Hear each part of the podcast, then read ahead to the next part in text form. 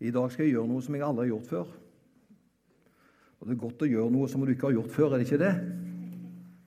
Jeg skal ta på meg en kjortel. Er det rett? Ja. Fordi kjortelen var veldig sentral i det som vi skal tale om i dag. Eh, Ebbe har lagd den til 'Veien til Betlehem'. Det spillet som eh, spilles i Lyngdal. Masse sånne kostymer har hun lagd. Og så sa hun du får ta denne, for den er enklest for deg å administrere. Hun er sjøl i Danmark denne helga, på lærertur.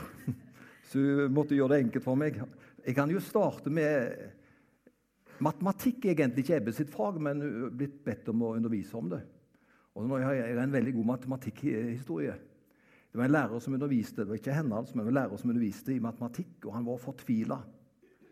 Det nærmte seg eksamenstider, og så sier han til klassen sin hvis det ikke blir bedre enn dette, så kommer 40% av dere til å stryke.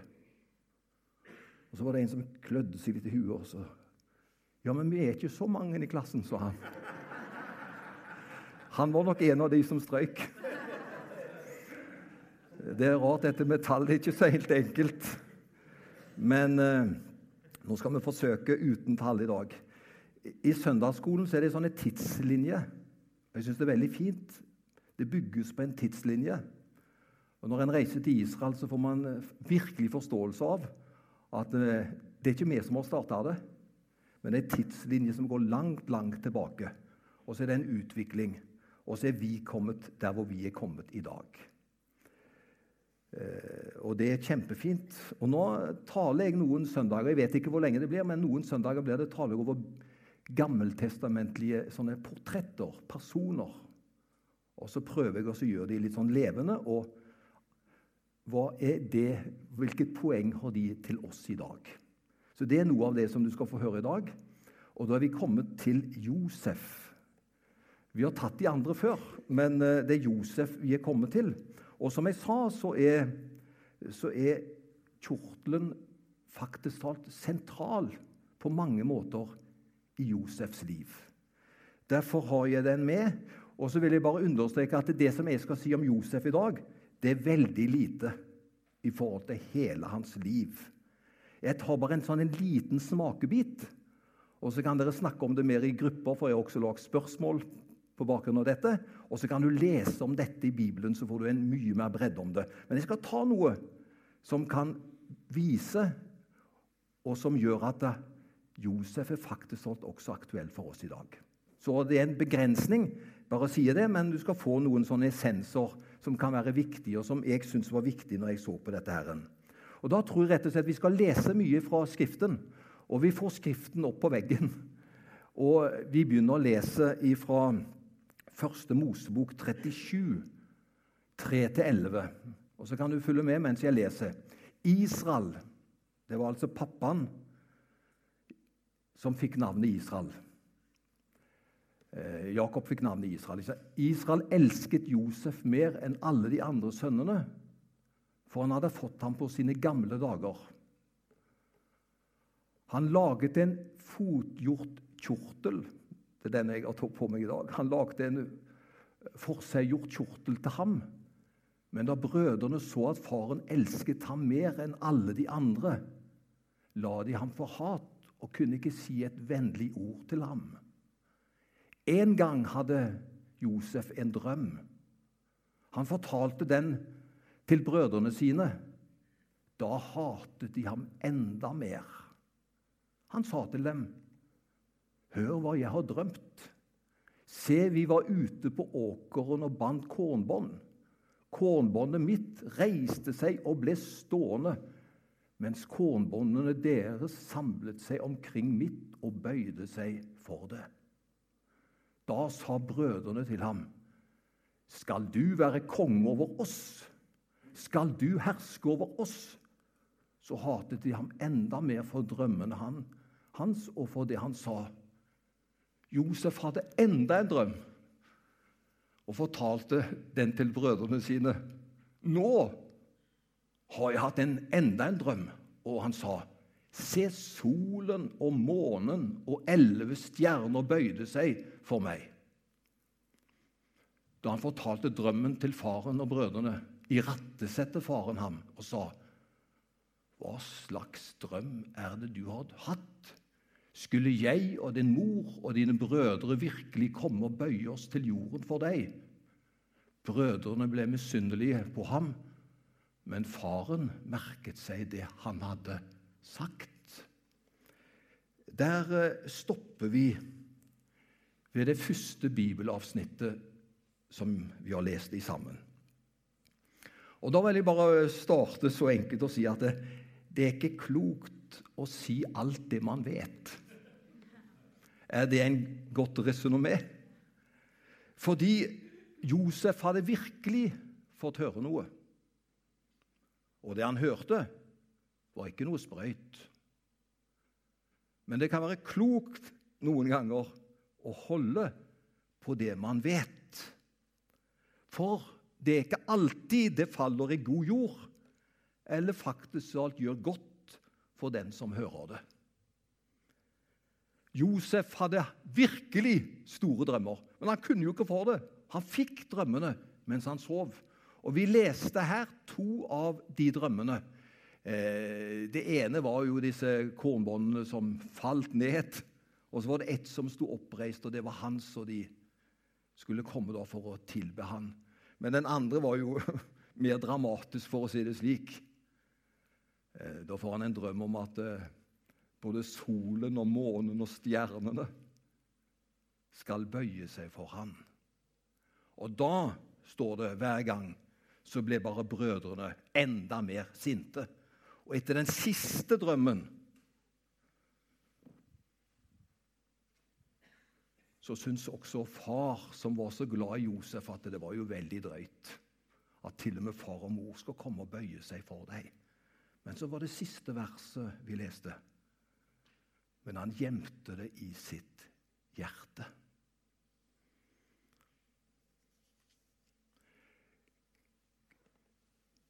Kjortelen ble på en måte For jeg hopper i denne historien med Josef.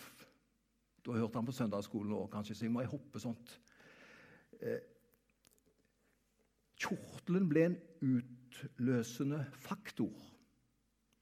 For det første hadde han fått en veldig vakker kjortel av sin far vakrere enn det de andre brødrene hans hadde fått. Og det må vi bare kunne si at det var ikke bra. Eh, man skal ikke forskjellsbehandle sine barn, så det er ikke bra. Men eh, Jakob han var svak. Han fikk sin Josef på sine gamle dager. Og det er noen sånn at det, ble liksom hans kjære sønn fordi liksom, han venta så lenge på han, og så var omstendighetene slik at det, det, var noe med Josef som tiltalte far. Og han fikk en sånn spesiell kjærlighet for den gutten. Og det viste seg i kjortelen hans. Det viste seg i sikker den måten han var på. Han kanskje forfordelte Josef. Og Så er vi kommet til den historien, da. Nå er Josef blitt 17 år gammel. Og han har også blitt oppdratt i å ta vare på dyr, passe de. Men eh, han var ikke så langt unna ute som brødrene. Og Så tenker far at nå må du Josef, gå og se til brødrene dine og si om de har det greit. Og så må du ta med deg mat til dem. Og han går helt uforberedt. Han går bare for han er lydig og gjør sitt oppdrag. Og så møter han sine brødre. Og så tennes det en gnist i brødrene hans. Og de tenker nå har vi en anledning til å ta han av dage. Og de tenker så brutalt at vi vil ikke ha Josef i vårt liv lenger. Han utfordrer våre holdninger, og han, er, han blir forskjellsbehandla. Vi vil ikke godta det lenger, og nå var de så langt unna heimen at nå kunne de gjøre kort prosess. Og så er det en som heter Ruben, som griper inn og redder situasjonen. Vi kan ikke drepe han, men vi kan kaste han i brønnen. Og Da tar de av kjortelen og kaster han i brønnen. Og så lager de en historie, dupper kjortelen i blod. Og Så går de hjem til sin far og sier at det er sikkert noen dyr som har drept han, for du ser at kjortelen er full av blod. Men det de har gjort, de har kastet han i brønnen. Og så kommer det karavane med forretningsfolk forbi, og så blir han solgt til Egypt. Det som er spesielt med Josef Bare tenk deg den situasjonen, 17 år gammel. Blir lagt i en brønn og egentlig skulle tatt livet av. Men så blir han dratt opp, og så blir han solgt. Glemmer alle sine, for det er så lang avstand. Så kommer han til et nytt land. Men det er én ting som Josef har lært som en grunnviktig pilar i livet sitt. Det er en han ikke kan forlate uansett hva som skjer, og det er Gud. Gud er klippen i livet hans. Selv om de kan gjøre andre ting, og han hadde en forferdelig vanskelig livssituasjon, men han kommer til Egypt, og han blir plassert hos embetsmannen Potifar. Og Da er det noe som skjer med Josef. Han tenker som så Jeg skal gjøre så godt jeg kan her, og så skal jeg leve ut livet mitt under den forutsetningen at Gud er min tilflukt, Gud er min lodd.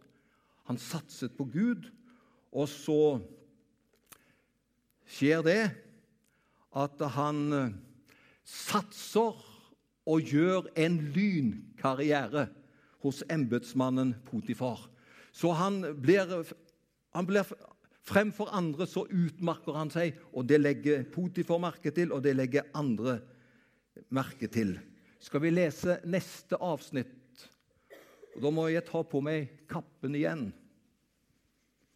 For det første gangen så ble kappen kastet. Det var trøbbel men faktisk talt, han kommer i trøbbel igjen.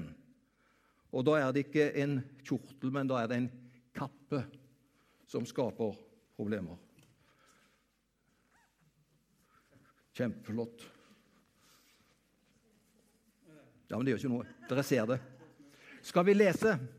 Da er han kommet til Potifar.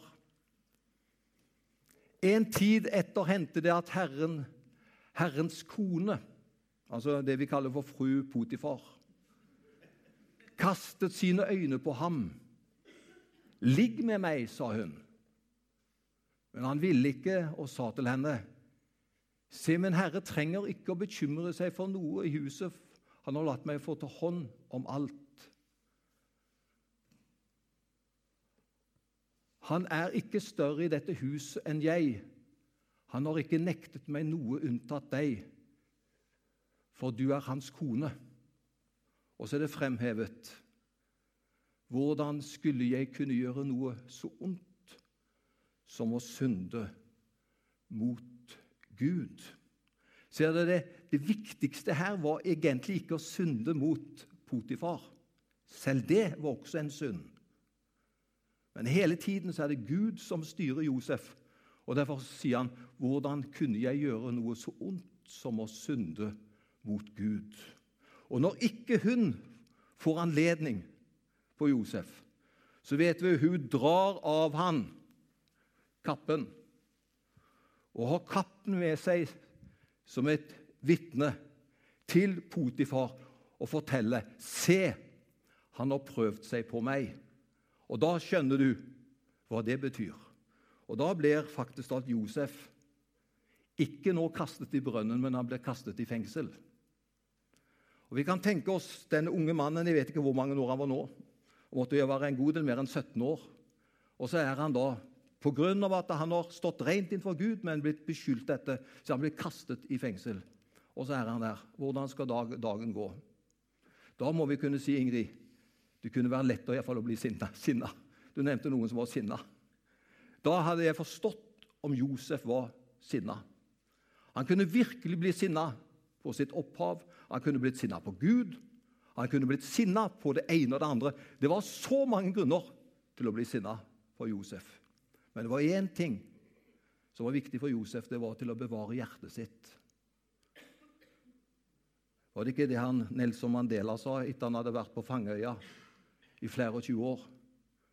Nå er jeg fri, sa han. Fritt oversatt. Men hvis ikke jeg legger bak meg fengselet, og det jeg ble fengslet for, så er jeg fortsatt i fengsel, selv om jeg er i frihet. Og det er noe sånt at det, Man må legge noe bak seg. Og Josef tenkte jeg skal leve for Gud og gjøre så godt jeg kan ved Guds hjelp. Og plutselig, du, der hvor Josef var, der arbeider han seg oppover. Har du merka det? Han arbeider seg oppover igjen og igjen der hvor han ble plassert, fordi han setter Gud først og vil leve et rent liv.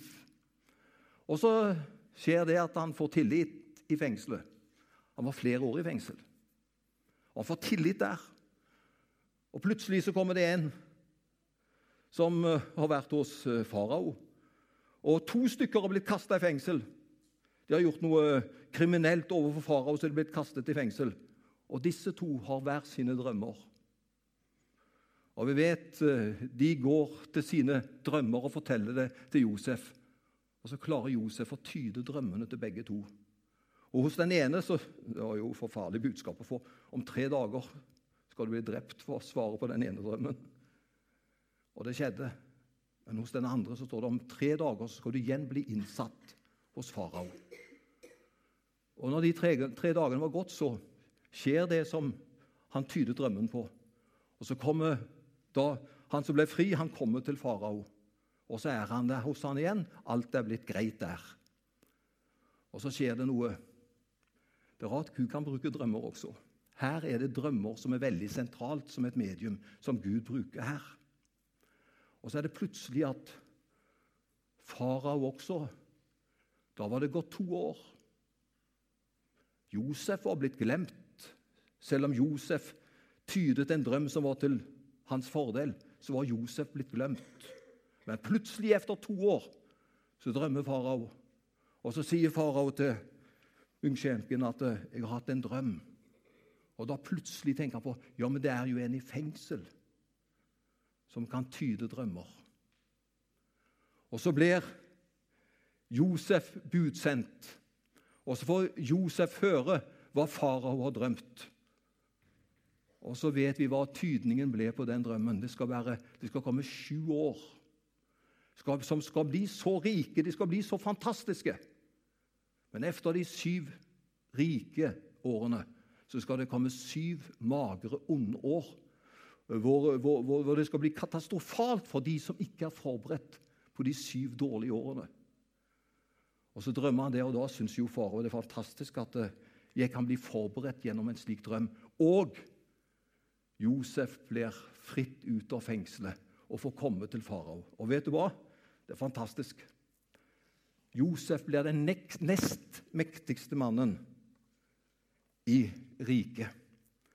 Han er ubestikkelig. Han opplevde i sitt liv både urettferdighet, motgang.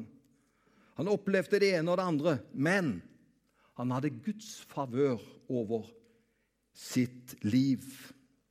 Og så jobber han seg opp, og så vet vi hva som skjer, vi som i dag kjenner historien iallfall, at eh, når de syv gode årene er over, så merkes det en slik hunger ikke bare i Egypt, men også i naboområdene. Og Jakob og hans familie er helt fortvilet. Hvordan skal vi klare å overleve? Og Da kjenner vi til historien hvor Jakob sier til sine sønner dere får dra til Egypt i håp om å få kjøpe og få noe mat der. Og så vet vi en dramatisk historie så blir det et møte mellom Josef og brødrene, og vi skal få opp teksten der. Da har altså brødrene vært sammen eh, i, i samtale med Josef av situasjonen. Og Det er liksom samtaler fram og tilbake. Og da, da, da, kommer det til et punkt hvor vi leser da klarte ikke Josef lenger å legge bånd på seg. For alle som sto omkring ham, han ropte, 'La alle gå ut herfra!' Dermed var det ingen andre sammen med ham da Josef lot brødrene sine få vite hvem han var. Han brast i gråt så høyt at egypterne hørte det, og faraos hus fikk høre om det. Så sa Josef til brødrene sine, 'Jeg er Josef.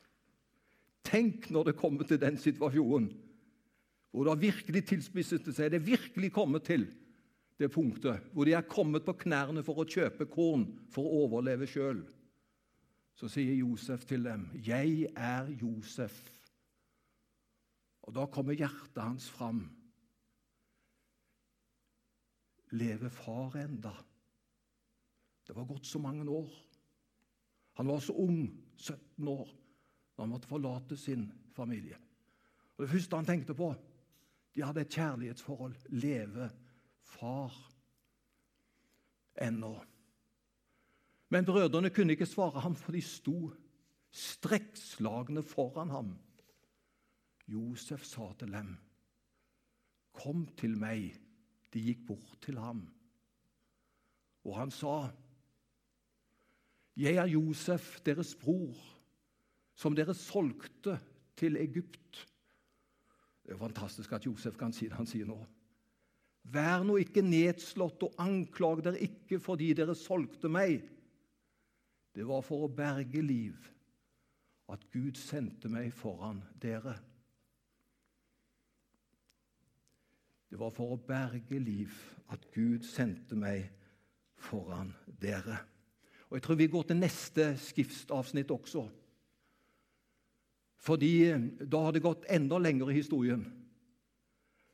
Og så står det 'Vi skulle si dette til dere'. Da er eh, Ikke sant? Det er slutten. Kjære, tilgi brødrene dine den urett de gjorde da de syndet og handlet ondt mot deg. Tilgi nå uretten som er gjort av oss som tjener deg, din fars Gud. Josef gråt da de snakket slik til ham. Siden kom brødrene selv og kastet seg ned for ham og sa, Se, vi er dine tjenere. Da sa Josef til dem, Vær ikke redd. Er jeg i Guds sted? Dere tenkte å gjøre ondt mot meg. Men Gud tenkte det til det gode, for han ville gi liv til et stort folk slik vi ser i dag. Så vær ikke redde, jeg skal sørge for dere og barna deres. Slik trøstet han dem og talte til hjertet deres. Det ble et sterkt møte mellom Josef og brødrene. Dere tenkte ondt om meg, men Gud tenkte det til det gode. Det hender vi også er i situasjoner hvor vi opplever at eh, folk gjør ting imot oss. Kanskje du har opplevd i ditt liv at eh, du er blitt ramma, og du er blitt ramma veldig hardt. Eller er det noe som du opplever at det var ikke rettferdig? Vi kan oppleve at mennesker kan tenke ondt om oss. Nå er det ikke alltid de tenker ondt om oss heller, de kan bare gjøre det uten å være klar over det. Men noen ganger så kan de også tenke ondt om oss. Og Da er det bare spørsmål Man kan legge seg på den bølga at noen tenker ondt om oss, og de skal få sannelig igjen. Det går an å tenke sånt. Men Josef tenkte sitt Dere tenkte ondt om meg. Men så hadde han hele tiden, hele tiden så var det Gud som var på kompasset. Det var Gud som ledet han. Men Gud, sa han, tenkte det til det gode. Og er det ikke det det står? Han vil vende ting til det gode. Ikke at ting er godt, men han kan vende det til det gode for den som elsker han. Og så må jeg bare si det at eh, Josef drømmer gikk i oppfyllelse. De måtte komme, de bøyde seg ned. Han ble deres redning. Men han kunne tenke som så nå skal de få revansj. Dere tenkte ondt, men Gud tenkte det til det gode. Skal vi be Gud om at han skal hjelpe oss, at vi kan ha Gud med oss når vi lever? At vi kan ha Gud med oss når vi kommuniserer? Fordi har vi Gud med oss, da vil han alltid trøste oss og gjøre det til det beste. Og så er det ikke alt vi har kontroll med. Josef hadde ikke kontroll med det som skjedde i brønnen. Han hadde ikke kontroll med når han ble fengsla. Det er ting som ikke vi har kontroll med. Tenk om vi hadde hatt kontroll om, med alt. Kanskje vi skal si heldigvis så har vi ikke kontroll med alt, men vi kan stole på Gud, som er med oss i alle livets situasjoner. Og Nå skal jeg avslutte med hva vi kan lære av Josef. Hva kan vi lære av Josef? Da kommer neste bilde. Ja, Det første er viktig å passe munnen sin. To, det er viktig å leve et rent liv. Det er viktig ikke å la bitterhet slå rot. Og så vet du hva vi kan lære av beretningen? Vi kan stole på Gud. Gud var alltid med Josef. Og er det en du kan stole på, så er det Gud. Og det er ankerfestet vårt. Det er troen. Det er vår mulighet. Vi kan få regne med Gud. Og så er vel Josef også et bilde på Kristus på at uh, Slik som Josef redda sine brødre, han redda sine folk, så er Jesus Kristus blitt vår redningsmann. Og han er der for å hjelpe oss alle. Han har kjærlighet og nåde til oss alle sammen. Skal vi be.